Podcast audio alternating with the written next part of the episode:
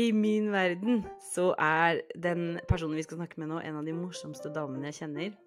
Som absolutt ikke vil gi lattergaranti til noen.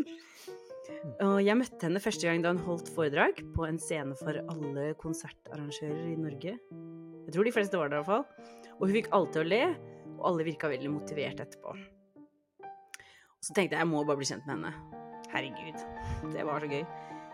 Så viste det at den damen, som da hadde funnet på noen av de morsomste tingene jeg hadde hørt om Hennes bakgrunn, hennes utdanning, det er å være husmorvikar.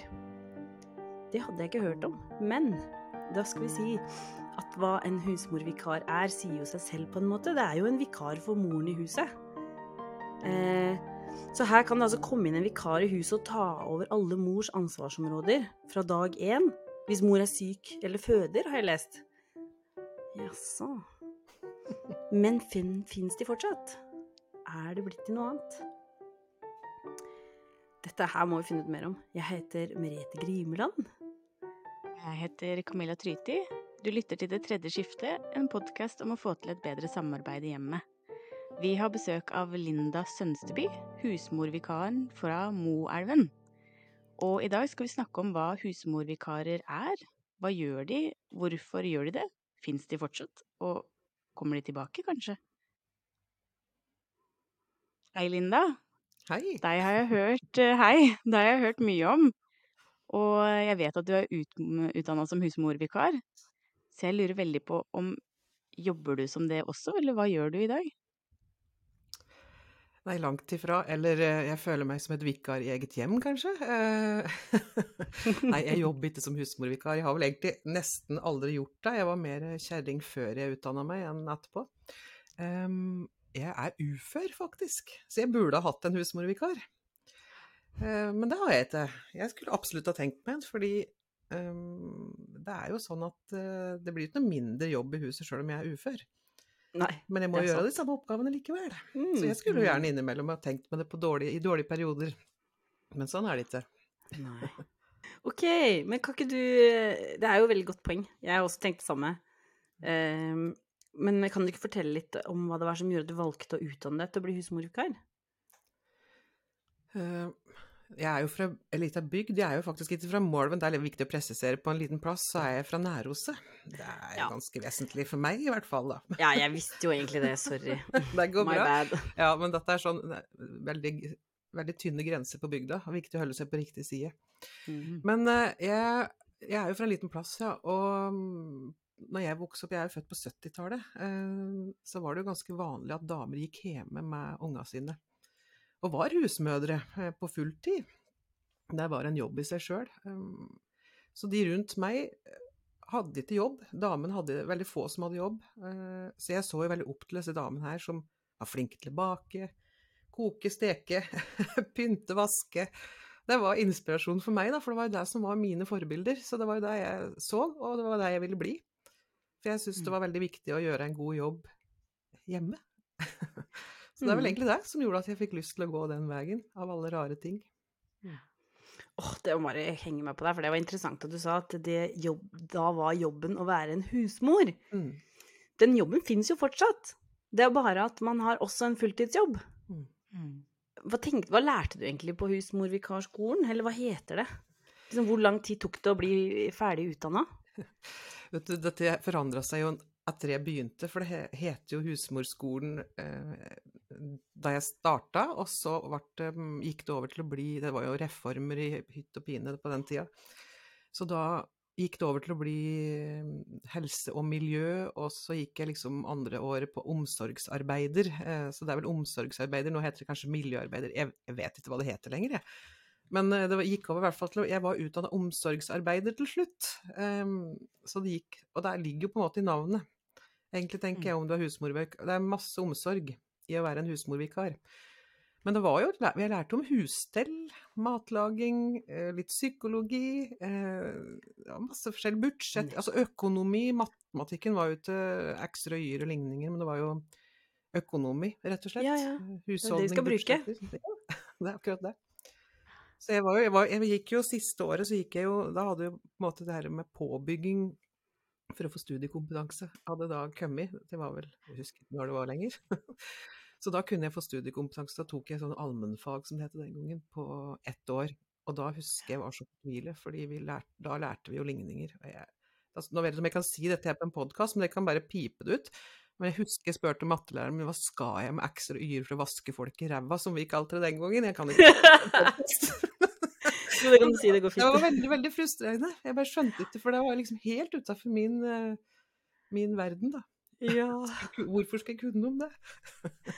Wow. Så jeg lurte, jeg lurte så, fordi du sa blant annet at du lærte eh, psykologi. Mm. Og hva er det dere lærte psykologi til eh, som husmorvikarer? Dette er lenge siden. Altså, det var jo ganske enkel psykologi, vil jeg kalle det. Vi var jo unge. Jeg var jo liksom 16 eller 17 år, så det var vel eh, litt Ja, hva jeg fikk med meg av det. Jeg husker vi liksom lærte Det var jo i omsorgsøyemed, da, eh, der vi mm, eh, I forhold til keisere med mm, unger som kanskje ikke var oppdragende, som de kalte det den gang. Det var ikke diagnoser foreløpig som ble satt. Men det var liksom atferd og atferd i hjemmet atferd i omsorgsinstitusjoner. Ja, sånne, sånn der ting. Ja, og det er jo bare Det gir jo så mening. Fordi Mm. selvfølgelig, vi sitter jo nå på Jeg sitter i hvert fall og bruker mye tid på egen hånd og finne ut av ting som er litt sånn Å ja, skal det være sånn? Eller jeg vet ikke helt. Eller kanskje vi må Ja, sånn hobby, hobby barne- og familiepsykolog, egentlig. Mm. Mm. Så hvor lang tid tok det egentlig å ta denne utdanningen? Det tok bare to år, så det var ikke noe lang Jeg hadde ikke to år utdanning før jeg fikk barn med det, dette. nei, det skulle, egentlig så burde alle hatt et år eller to med bare ja, ting konsentrert om det å være familie, rett og slett. Det er jo mm. kanskje den vanskeligste og den viktigste jobben vi har. Den er så stor, og så kommer man ha med ikke noe opplæring. Nei. Det er jo det. Det er så innmari vanskelig. Jeg Fordi husker- det dere da lærte på skolen, det var jo det de sikkert da tenkte at denne kompetansen og kunnskapen burde dere ha for å kunne være en god vikar for mor i huset. Mm. Ikke sant? Blant annet. Ja. Og, eller på institusjon, da det var jo veldig sånn De fleste som begynte her, ville jo jobbe på gamlehjem, sykehjem. Mm. Eller så videreutdanna de seg, da. Det var jo mange som starta sånn, og så ble det barnevernspedagoger og sånn senere. Eh, Ja. Mm. De jeg gikk i klasse med, har vært veldig ulike retninger i ettertid. For det er jo ingen som trenger å være hjemme lenger, tydeligvis. Mm. Det er jo, ja, ikke sant. Du trenger det egentlig mer enn noensinne. Ja, Veldig men det, er- det er også eh, neste spørsmål litt interessant, fordi eh, Føler du at det var mer som måtte bli gjort hjemme før, siden man trengte husmorvikar? Eller hvordan er liksom de oppgavene i hjemmet nå i forhold til før? Oppgaven er jo de samme. Um, det er jo ingenting som har Det er jo ikke noe mindre Kanskje vi har Forskjellen er jo teknologi, at vi har flere hjelpemidler, slik at vi kan kutte ned Vi kan være mer effektive da, på husarbeid. Men type omsorg vil jo være den samme, kanskje, ja, kanskje nesten enda viktigere nå, for vi er så få i familien. Før så var det jo storfamilier, og så den oppgaven om å drive, eller gi omsorg er veldig snever knytta til veldig få personer, som da får mye større ansvar. Så jeg tenker det kanskje er mer effektivt på noen områder, og så er det kanskje blitt større ansvar på andre områder.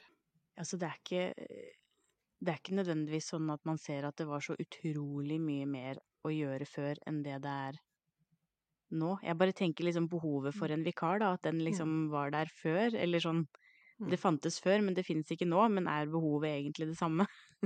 Ja, altså egentlig var jo ikke husmorvikaren eh, Folk hadde jo ikke det for å slippe å gjøre tinga sine sjøl. Det var jo på en måte i utgangspunktet lagd en, som en statlig ordning, tror jeg, for å, for å vikariere hvis folk hvis, Ikke folk, det var rett og slett mødre. Hvis mødre hadde knekt et bein eller var, hadde svangerskapsdepresjon eller var ting som gjorde at mor ikke fungerte i omsorgsrollen, så kunne du få en husmorvikar som kunne hjelpe deg å avlaste, eh, rett og slett. Og der fins jo ikke lenger. Så hvis du blir sjuk i dag som mor, så er jo fortsatt oppgavene samme. Altså, barnet må jo bæres, mates, skiftes på altså, Alle oppgavene er jo der, men det er ingen å ringe hvis du blir sjuk eller ikke klarer jobben sjøl.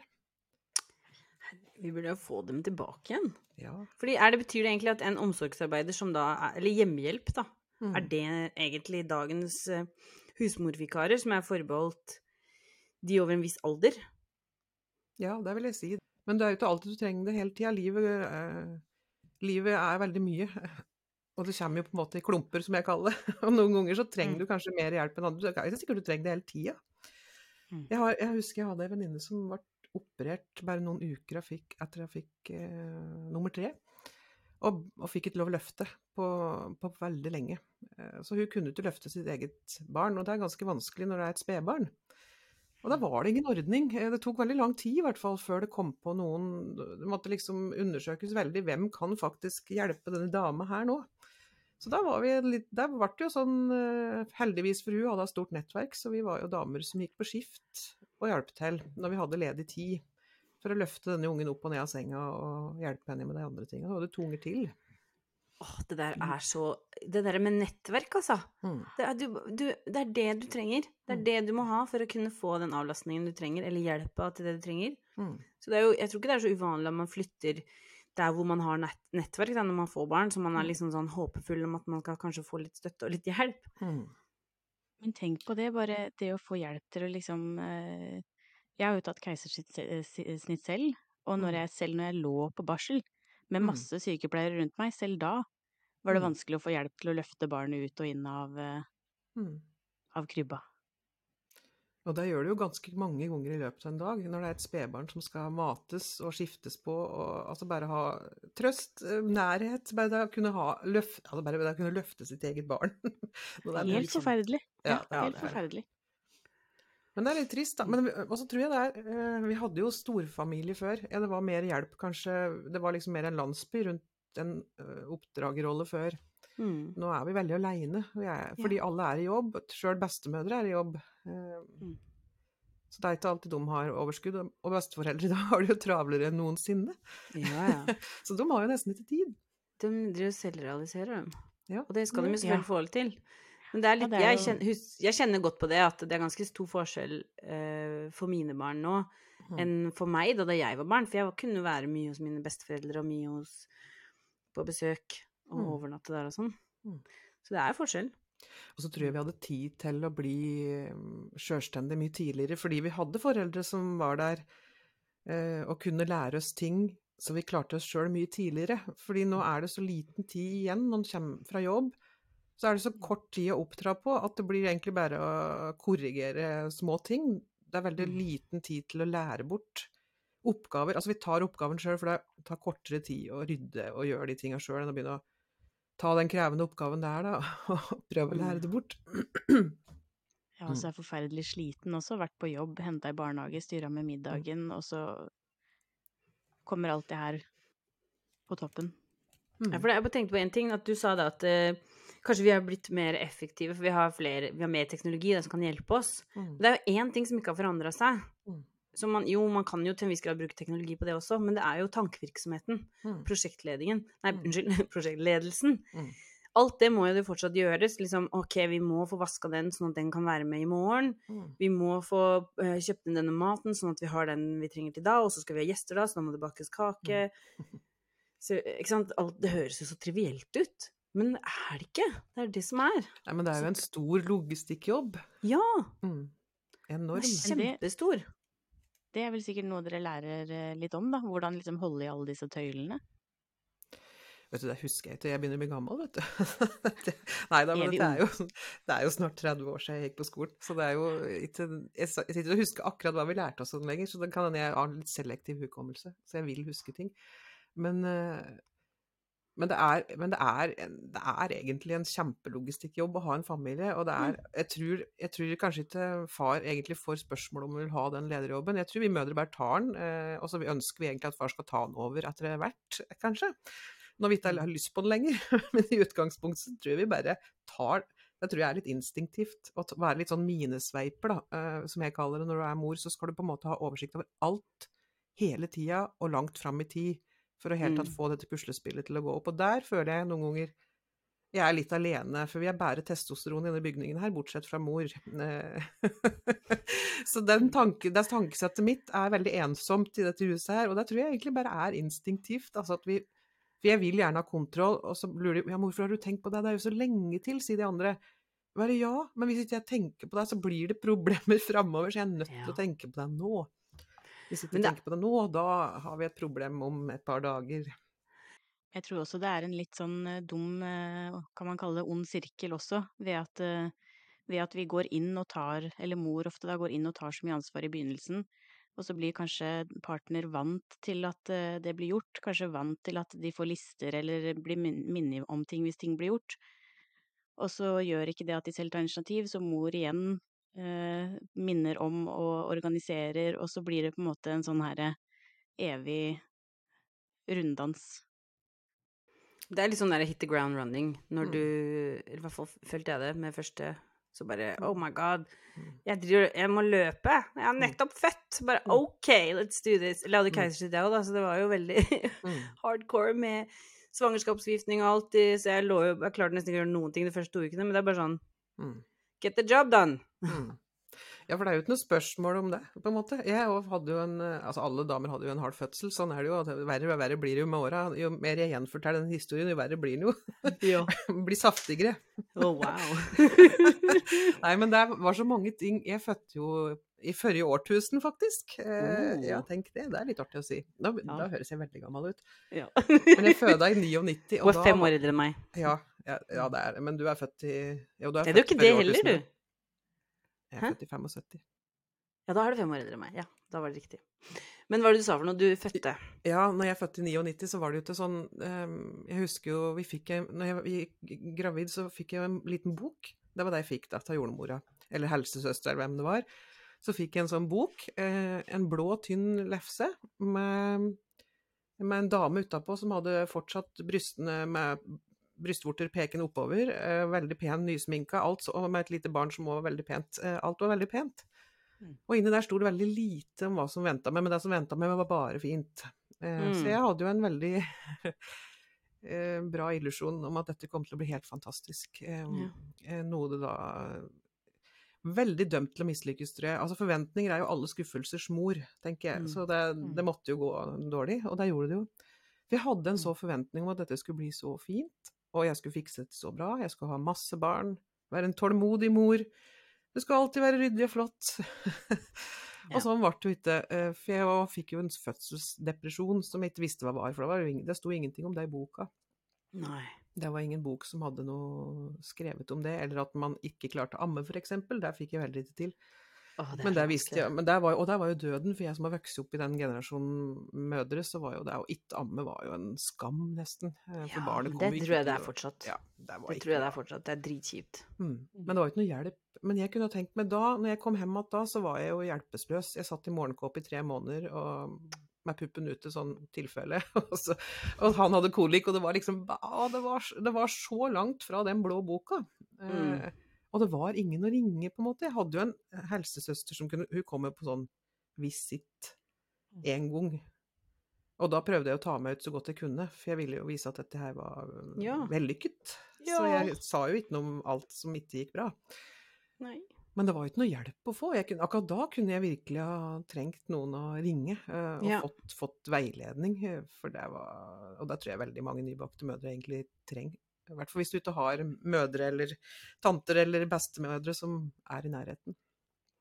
Jeg tror det, jeg er helt enig. Jeg tror det er, liksom, det er noen forventninger der om at Mm. alt skal være super, supert og skal gå så lett og greit og sånn, og så er det egentlig Den største forandringen, i hvert fall den største forandringen jeg har gått gjennom i mitt liv, er å få, bli mamma og få barn. Mm. Det er bare ingenting av det jeg trodde det skulle være, selv om det også er veldig bra. Ja, ja. Men den der Mm. første tiden der, det var Mm. skikkelig heftig. Mm. Skikkelig heftig. Hvis en fikk vite noe om dette i forkant det, altså Jeg mener ikke at en må, få, må ut og skremme folk heller, men det er noe realistisk i å både få vite alt som kan gå bra, så mye gjør, men det er en del ting jeg skulle gjerne visst. Bare dette med, øh, Nå er det sikkert mer opplyst da, om fødselsdepresjoner, eller at barnet ikke alltid sover øh, de første 18 åra sine, eller det, er liksom, det er ganske mange ting. Og så fikk jeg litt sånn sjokk, for jeg husker han eh, Etter tre måneder så gikk jeg hjem på soverommet, og så så jeg så jeg opp gjennom senga, og så lå dette her krabbehjulet fortsatt der. Og så tenkte jeg herregud, har du tenkt å bli her for alltid? Liksom, det var veldig sånn, ja, men det tok litt tid før jeg skjønte at her, denne morsrollen er faktisk Herregud, det er jo for alltid, hva er det jeg har gjort? Ja. Eh, Jeg fikk helt panikk, liksom. At det her, Ja. er- her skal jeg ha ansvar for eh, Jeg har fortsatt, da, han er 23. Mm. Ja, det er fortsatt eh, greier. Nå sporer Ja. jeg sikkert helt av fra det vi prater om, Nei, men- men eh, Ja, men det er så, det er så viktig. Og jeg leste nettopp dette med post, jeg tror det var i går eller forrige dagen, om en mamma, ny mamma som fortalte akkurat det samme. At hun bare Jeg vil bare være ærlig, for jeg Mm. vet at det er andre som føler det som meg. Og det var Mm. nettopp denne her også litt sånn sorgen over Både gleden over å ha fått eh, et Mm. barn, men også sorgen over at dette her er sånn det kommer til å bli for alltid. Mm, Nå er det ikke noe, nå er det ikke noe annet. Nå er det det her. mm. Og at det må være lov å ha begge de to følelsene. Ja, For det er jo overveldende, og det er jo ikke noe eh, Det ene utelukker jo ikke det andre. Altså, når, om man har en sånn opplevelse, så er det Jeg har jo hatt det masse fint. Masse Mm. nydelige øyeblikk, på en måte, men det avskriver ikke at jeg Altså, sånn er jo livet hele tida. Det er parallelt. Det er jo aldri enten-eller. Det er alt samtidig. Hele Mm. tida. Hvis Ja. en ser etter, så er det både godt og vondt til enhver tid. Ja. Det, er, det er ikke bare bare, bare. Ja, og så bare sånn hvis det kunne vært mer lov å prate om disse følelsene, så kanskje de hadde blitt mindre også over tiden, fordi man Mm. fikk snakket om det. Mens når det er så Mm. vanskelig å snakke om, så føles det så skamsfullt, og man holder det inni seg, og det føles ikke greit, og så blir det kanskje verre enn det det hadde trengt å bli, da. Mm. Ja, og så kommer da dette her eh, nye arbeid, den nye arbeidsplassen også. Mm. Rett oppi dette her med å få barn, så har du liksom omsorgsarbeidet for barnet, men du har et hus som, en husholdning som du også skal drive. Da. Du har en daglig drift som du skal opprettholde, og du har aldri gjort det før. Mm. Så her må det jo være en god idé å få inn en husmorvikar. Mm. Som bare, jeg kan lage, altså En som kommer inn og lager middag Mm. hver dag. Mm. Siste, de første to ukene eller noe. Mm. Bare hjelper til litt med de Mm. tingene som er vanskelig. Tar tøyet, liksom disse småtingene. Jeg vet Mm. ikke. Men kanskje ikke nødvendigvis for alle. Det er ikke alle Mm. som trenger det. Men hvis du har det Mm. ganske tøft og kjipt, da Ja, trenger du det. For overgangen er jo så stor, og den er jo, den er jo stor for far også, som på en måte egentlig har sittet på sidelinja helt til dette barnet plutselig popper ut og er der. Eh, Sjøl om far er med i prosessen, så vil jo ikke han få samme kontakten. Det sier de jo ofte, at det er liksom, går noen uker etter fødsel før de begynner å connecte, og det er ikke så rart. Og så plutselig så har de et spedbarn, og mor er helt ute å kjøre, for hun er ute den hun var for noen uker siden, så er plutselig mor helt Mm. opptatt av noe annet, og far blir jo en veldig tredjeperson i dette her, og er ganske uviktig akkurat for mor. Selv om hun er viktig, så mor er jo veldig fokusert på barnet og sin rolle, og det er så mye nytt. Og så skal han i tillegg klare alle oppgaver som har vært der fra før. Jeg tenker, de, første, ja, de første ukene er ganske vesentlig for åssen dette egentlig kommer til å gå. Men det er det som er så sprøtt, da. Fordi nå snakker vi om ting som er utfordringer, og som har vært det over tid. Det er ikke, jeg tror ikke det er sånn at eh, det er noe spesielt med oss nå, vår tid nå, som gjør at vi kanskje opplever fødselsdepresjoner mer enn en tidligere, Mm. for eksempel. Eller det skal Jeg kan jo ikke vite det for sikkert, da. Mm. Men det er jo noe som skjer med, med kroppen og hodet òg, ikke sant? Mm. Eh, så jeg lurer veldig på når var det fordi da har det jo på en måte vært ti, en tid der hvor det er- var anerkjent at dette er en stor jobb som vi trenger potensielt hjelp med, og i hvert Mm. fall hvis mor Mm. ikke er Eller er, eh, er syk eller dårlig eller har skadet seg Mm. eh, eller strever. Mm. Da var det anerkjent. Da trengte man hjelp. Så kan ikke du fortelle meg litt grann mer, eller oss da, mer om den historiske bakgrunnen til husmorvikaren? Når oppsto dette yrket? Liksom, hvem sørger for at dette yrket ble til? Det må jo, Jeg tenker jo at det må ha vært rundt andre verdenskrig, men jeg vet ikke om det Jo, det kom, nei, det kom, eh, det kom etter krigen. Rett etter krigen. eh, Begynnelsen til 60 Ja, det er ikke rett etter krigen, da. Ikke helt. 50-60-åra. Er- Jeg er ikke helt sikker på akkurat det, men eh, det kom, det kom jo inn som et slags eh, substitutt, da, for de som trenger Jeg vet ikke helt jeg, jeg tror ikke jeg skal tørre å være så veldig bastant på hvordan dette her oppsto i utgangspunktet. For det er litt sånn, som sagt, litt selektiv hukommelse. Men, men det kom jo Det var jo en statlig ordning eh, i utgangspunktet. Eh, som folk eh, kunne ringe eh, når, det, når, du trengte hjelp. Da. Hvis det var Det var jo ikke, ikke, for alle, men det var jo hvis du på en måte hadde noe ekstra behov som mor, da. Og da, den gangen hadde du i tillegg ofte familie òg. Altså det var jo mye, mange flere kanskje tett på. Så det, det var jo egentlig ganske bra. Men ja, det, den varte jo på en måte bare fram til Jeg tror den har vært avvikla på 80-tallet. Mm. Da var det slutt. Så jeg vet ikke hva som skjedde, hvor, når og hvorfor den ble avvikla. Eh, egentlig. Så rart. Men nei, ikke at du ikke veit, altså, men, men, så rart at det blei det. Fordi ja. det er jo liksom ehm, Det er jo da Folk begynner jo å ha fulltidsjobber liksom i tillegg, så man har ikke bare det andre og det tredje skiftet. Man har det første skiftet også, som er lønna mm, arbeid. Mm. Mm. Så man skal da liksom klare å mm. gjøre det topp på alle de tre skiftene. Mm.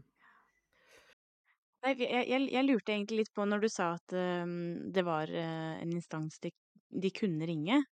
Men da lurte jeg litt på, var det liksom vanlig å ringe? Var det mange som ringte? For det er jo litt interessant.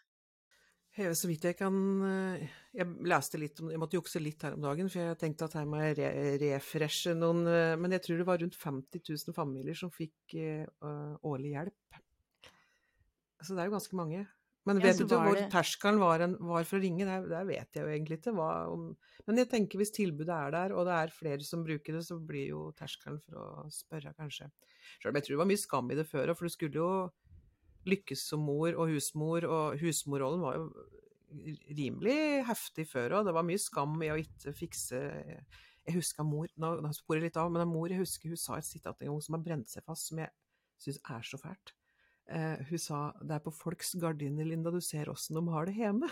Å, oh. oh, det er forferdelig. Det må, du for, det må du forklare. Ja, det er sånn fordi mor var, veld, mor var ble mor når hun var 16 år. Hun fylte 17 dagen før jeg ble mor, første ungen, og hadde tre unger da hun var 21. Og hun og far bygde hus, så de var mor og far, tre unger og bikkje, og nybygd hus når de var 1 og 22 år gamle. Å, herregud. Så de var, jeg har veldig unge foreldre.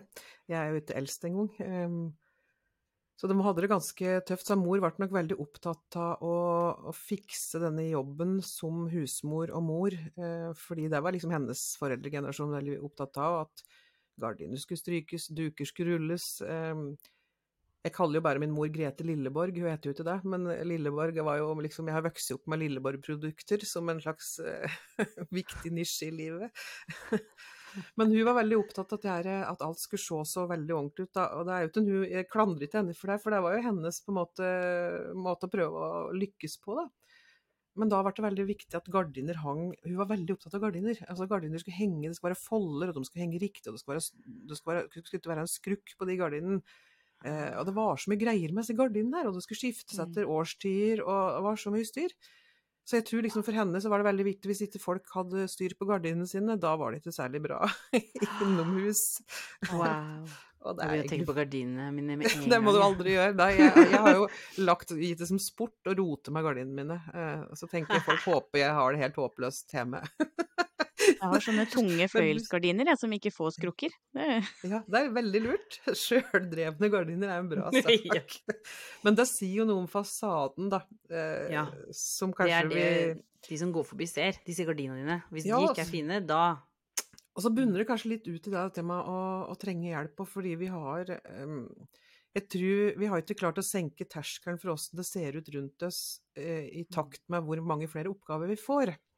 Mm. At vi kanskje må vi prøve å opprettholde et hjem som ser velpleid ut. Vi skal se velpleid ut. Eh, altså, damer på 50-tallet var jo nyfreshe hver dag mannen kom hjem fra jobb. Det er jo en jobb. Altså, mm. det er så mange men det er mange flere oppgaver sånn da, enn det var før, fordi det er en jobb i tillegg. Mm. Eh, og så tror vi at vi skal klare å klare å få til alt dette her på samme tida. Ja, nei, men altså, er, ja, for jeg tror bare dette Og jeg er veldig dårlig på det, for jeg, du blir jo det du ser av dine foreldre, så jeg vil jo ikke bli sånn som mor var, stressa rundt dette med åssen ting så ut, men jeg har jo tatt det med meg.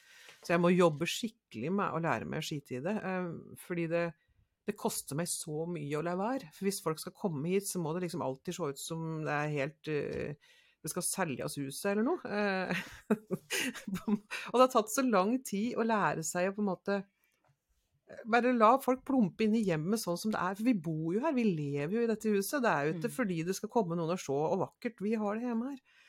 Ja, Eh, ikke sant. Vi har jo ikke sånn gjestestue eller gjesterom, eller hva er det heter for noe? Hva er det Ja, finstue. Finstuen, ja, Ja. takk. Vi har jo ikke sånt lenger heller. Nei. Det er ikke sånn at kjøkkenet er gjemt bort eh, så ikke gjestene skal se kjøkkenet lenger. Det er jo snarere en del av liksom Mm, hovedrommet å være i. mm, Så det er jo kjempestor forandring. mm. Så da kommer man jo midt inn i der hvor vi liksom lever mest inn i hjertet av huset. Men der kjenner jeg liksom at den her For jeg har også lurt på hvor er det den her liksom innvendige, sånn i rota av sjela mi, sånn herre Å, hvis det ser liksom Hvis mannen min for eksempel da har bare tatt med noen hjem uten at liksom vi har eh, ting på stell, da, at jeg kan få sånn Han bryr seg ikke, det er helt greit for han, men jeg kan få sånn inni meg, jeg bare Å, jeg skammer meg. Og jeg kan tenke på det etterpå, så jeg bare lurt sånn Hvor er det det her kommer ifra? Men da er det jo liksom den herre du får den påvirkninga fra generasjon til generasjon, og så tar jo litt tid for å liksom vanne ut den her følelsen av at det er meg. Det er meg det er noe feil på, når, når de kommer hjem og så ser det sånn her ut. Det er liksom, det er et bilde av meg, da. Som jeg kan liksom føle på. Og det er sånn, det er jo ikke det lenger, fordi det er jo Vi har jo likt ansvar. Men, men jeg kan føle så veldig at åh, det er meg. Nå er det jeg som ikke har gjort det jeg skulle. Og der kommer kanskje kløfta mellom damer og menn litt inn nå, fordi jeg tror vi instinktivt Eller, eller er, miljøet kanskje da har skapt at vi har forskjellige forventninger eh, til åssen vi skal Så det, vi har kanskje ikke på en måte ligna ut den forskjellen da, i forventninger. Og de har jo ikke de samme krava, det er jo våre krav. det er jo våres, Jeg tenker, i hvert fall snakker for meg sjøl, men det er jo mine krav. Vi har jo ikke like krav til åssen ting skal se ut her. Eh, min samboer krever ikke at det skal se ut som et utstillingshjem her, overhodet ikke. Men jeg, det er jo mine krav, og da må jo han òg leve opp til mine krav Mm. eh, for at dette skal gå bra. Og det går jo ikke bra, for det, han har jo ikke, de, har jo ikke lyst til det. Og så Mm. der er liksom kanskje konflikten ofte, da. Eh, fordi Mm. han òg kan slippe inn folk, eh, ikke sant, og så blir det sånn å, herregud. Eh, vi, var det folk inne der nå, liksom? Av alle Vi bruker jo ha det så pent, men akkurat da var det jo eh, Tok meg på fersken, på en Ja. Avslørt, nesten. Ja, veldig avslørt. Og så er det for meg òg, som, som da har vært ufør, som, så har det vært til enda mer skam, fordi jeg går jo bare hjemme og sleng, på en måte. Så Mm. skal jeg ikke engang klare å holde det flott og fint og gardinen eh, i riktig fasong eh, her hjemme. Um, og det er så mye stigma, da. Men det er mitt eget. Det er i all, det er, jeg har aldri fått det kommentert av noen andre. Det er Det er ingen som har kommet inn her og, og sagt at gud, Linda, åssen er det ser ut rundt deg? Aldri Kan- hørt. Kan du ikke føle på Ja, kan du ikke kan, du- For jeg, jeg, jeg Altså det er vel ingen som har sagt sånn Jo, kanskje Nå skal jeg ikke nevne navn. Kanskje noen av de, en av de eldre i generasjonen i Mm. familien min. Mm, mm. Men, men litt sånn her eh, Følelsen av at Det er litt sånn rynking på nesa hvis det er liksom ikke helt på plass. Fra Mm. jeg, Nå må jeg bare si det helt ærlig, spesielt kanskje fra den kvinnelige siden kan jeg merke liksom Mm. at det er sånn Mm. Å ja, her var det mye som skjedde på kjøkkenet, eller bare liksom Tror du de Jeg føler at det er sånn der skam som går i arv her. Tror du Mm. de føler på det at 'Å, herregud, har jeg ikke lært opp nok til denne ungen her å holde det fint i huset sitt'? Mm. Eh, ikke nødvendigvis Altså, du skjønner jeg mener, da, men at det er litt sånn eh, Det er fortsatt litt skam der, da, på vegne av. altså, Det jeg virker som det er mye at skam, i hvert fall. Ja, jeg føler i hvert fall at det ikke bare er liksom meg som har funnet opp liksom den her eh, i Den meg skammen? selv. Jeg kan føle at det er litt utenifra også. Mm. Ja da, det, tror, det er jo klar, helt klart det. Men jeg tror i hvert fall min største fiende er jo meg sjøl, på en måte. Fordi jeg lar de andres eh, tanker, da Eller om de skulle si noe, så burde ikke det være noe jeg brydde meg om. Jeg gjør jo sjølsagt det, men det er jeg tenker at jeg må, jeg må jobbe hardt med meg sjøl for å ikke la dette her For hvis det skal forandre seg, så må jeg på en måte etablere en ny sannhet på en måte, om at ja, men Mm. dette her er ikke det viktigste du gjør. Eh, Mm. Sjøl om det er jeg, jeg føler det er en kjempekamp, jeg. Eh, Daglig. Og liksom Jeg skal la den bare ligge. Nå skal jeg la den kaffekoppen bare stå der i ti minutter til. Og så-. Og så er det en slags. Ja, så sånn samvittighet rundt en kopp. Bare, det, er, det er en kaffekopp, liksom. Hva har det å bety? Det er bare så tullete. Og det er bare én av tusen ting i et hjem som skal flyttes rundt. Sånn som før jeg skulle gå på her nå, så var det Når jeg står opp, så er det Jeg begynner jo med en gang jeg setter meg ikke ned, og nå skal jeg sitte her og våkne og slappe av, og, og sånn som kanskje noen gjør. Mm. og da er det liksom rett er det noe i oppvaskmaskinen, begynn å tømme den mens jeg trykker på kaffemaskinen, for da er ikke akkurat å tømme den imens den går. Det skal være så effektivt. Og når jeg er på do, og da ser jeg skittentøysdunken, ja, men da kan jeg liksom ta med den, for jeg skal jo nå gå ned i kjelleren. Det er liksom gå aldri tomhendt rundt i huset. Uh, Åh, det, er så, det høres kjent ut. Mhm. ja, og det, der, men der tror jeg òg Den følelsen deler jeg nok ikke med så mange andre på bruket. Nei. Følelsen av at å nei, nå må, tror jeg jeg må ta med den, for nå skal jeg gå i kjelleren og hente en hammer, så nå tror jeg jeg må ta med klesvasken. Det tror jeg jeg må gjøre. Men det er jo noe med det der en- og, eh, I hvert fall syns jeg da at det er noe med å se liksom mengden av arbeid som må gjøres, og så se at ok, jeg må effektivisere her og der og der og der. Mm. Så når jeg går herfra til dit, så kan jeg like godt ta med den, fordi jeg kommer ikke tilbake dit etterpå. Mm. Ikke på en stund, ellers må jeg huske å gjøre det. Derfor må jeg bare gjøre det med en gang. Mm. Ellers så glemmer jeg det. Altså det blir en sånn derre Går i konstant runddans, da. eh, beredskap da, med Mm. hva kan jeg gjøre nå? Fordi det er for mye å gjøre. Mm. Ja, men- ja, men det er jo det. Det er jo fordi det er belastningen er for stor egentlig over tid. Eh, og det er vel der det på en måte kneler da, for de fleste eh, etter hvert i dag. Mm. Som, Ja. som det ikke gjorde før, da vi har en helt annen mengde Det er så fullt av oppgaver, oppgaver, og det er sånn det er å jobber meg mye i livet, dette med å, for jeg, jeg skal bare gjøre ferdig alle oppgavene, så skal det bli så fint. Eh, og så plutselig så har det gått et år til, og så skal jeg bare gjøre alle disse, skal jeg bare male det, jeg skal bare gjøre de tinga. Og så skal jeg puste.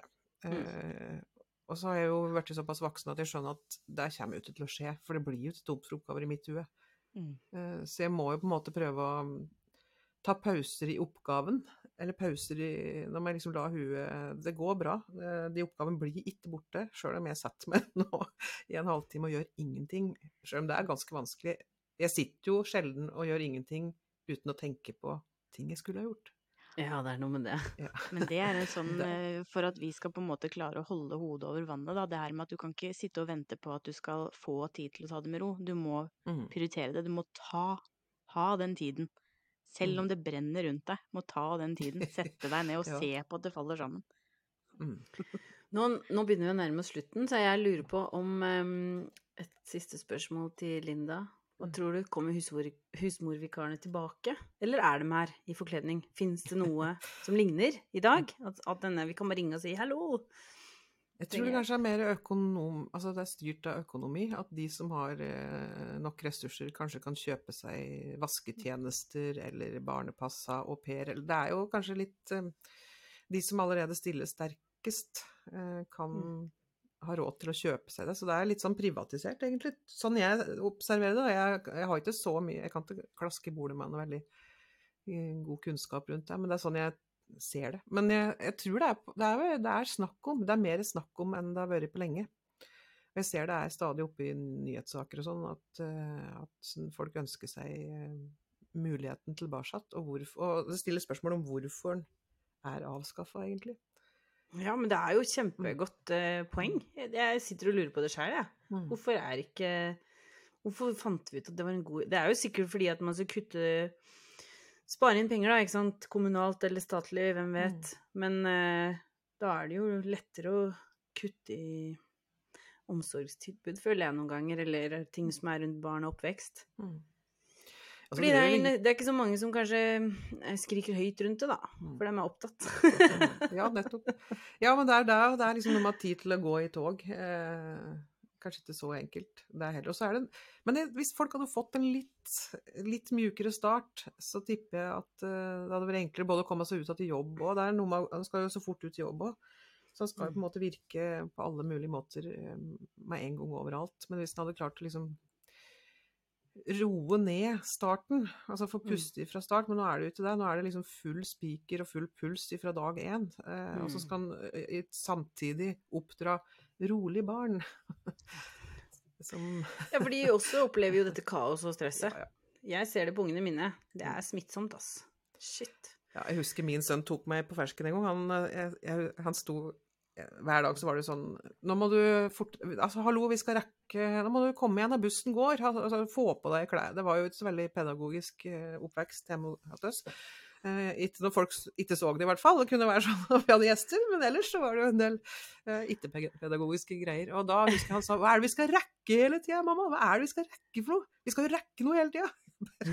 Ja, men fortest, vi skal rekke, vi skal rekke bussen, vi skal rekke Ja. tog, vi skal rekke skolen, eh, butikken, Maddan. Ja, men du skal jo på trening, for vi har jo organisert all fritidsaktivitet, og så vi må rekke å holde oss i form fordi vi Åh, hjelp! Jeg blir helt. Vi må rekke å ha fri. Ja.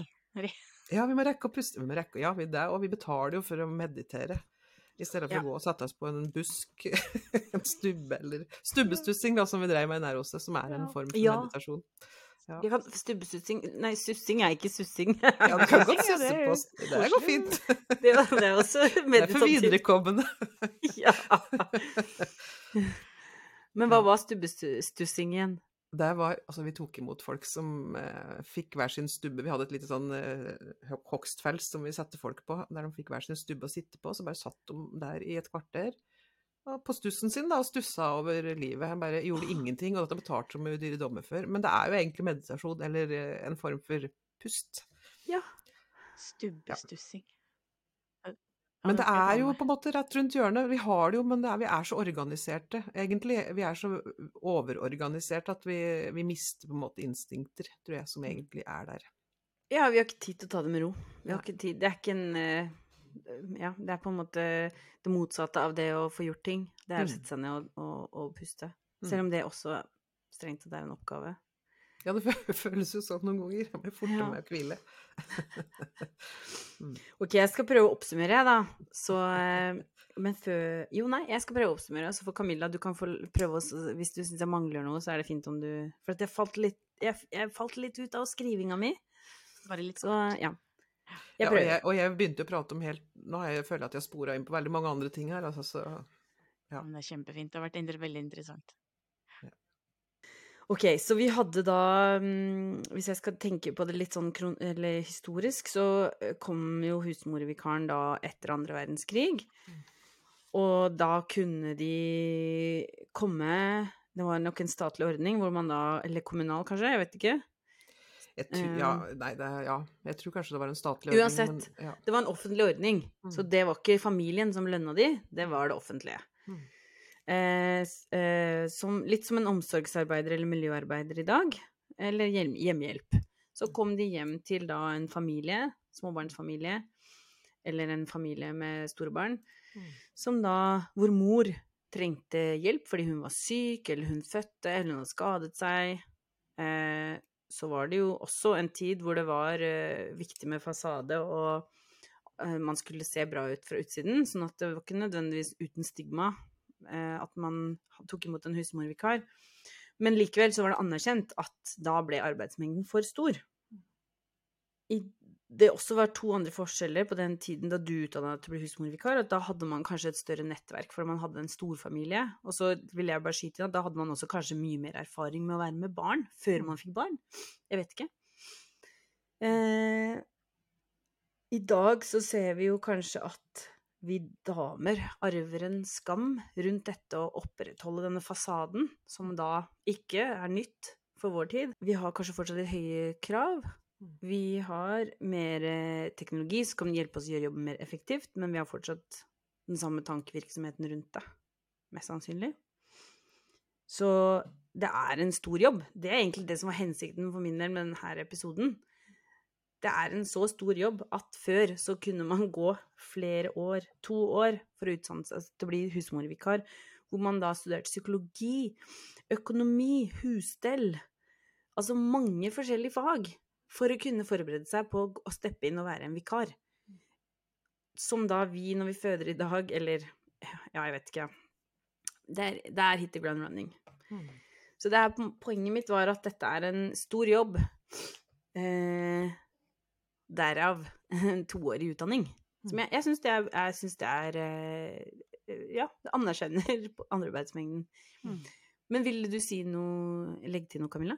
Kan jeg bare skyte inn en ting, bare for å bare å si noe feil? Fordi den toårige utdanninga var jo på en måte når jeg var Dette var jo, dette var jo mye senere. Jeg tipper ikke at de hadde to års utdanning i starten, bare sånn Nei. Det Jeg tipper det var mer sånn kursing, men eh, da hadde de det vel mer inne, innebords fra før. Mm, mm. Ja. Så der er liksom eh, eh, litt mantra for meg og Camilla, da. Det er at begge to må få oversikt over arbeidsmengden. Og anerkjenne at dette er så mye jobb. Og så fordele den. Så du må finne en måte å se den på. Der har vi jo laga et hefte med 134 ansvarsområder som du kan laste ned og se på sammen med partneren din. Men se hele fjellet, begge to, og bli enige eh, om å fordele det på en riktig måte. Og så er det sånn at eh, det kan være litt vanskelig å prosesslede det sjøl når du da skal eh, endre organisasjonen, familieorganisasjonen. Så derfor har vi laga et veldig enkelt digitalt kurs som kan prosesslede dere gjennom endringen. Eh, og da slipper du å gjøre jobben, du som har lyst til å endre organisasjonen. For det kan være ganske tøft å gjøre begge deler. Være katalysator og prosessleder. Så vi skal legge med en lenke i beskrivelsen, så du kan melde deg på det.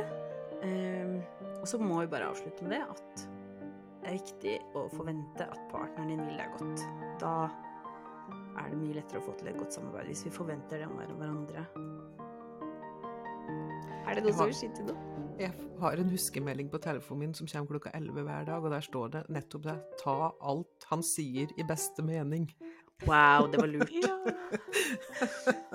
Kjempebra avslutning. Ta alt partneren din sier, i beste mening. Kanskje vi skal bare bytte til det? Mhm. Ok, tusen takk for at du kom, Linda. Takk for at jeg fikk komme. Det var veldig, veldig fint. Og tusen takk til deg som lytter. Ha det bra.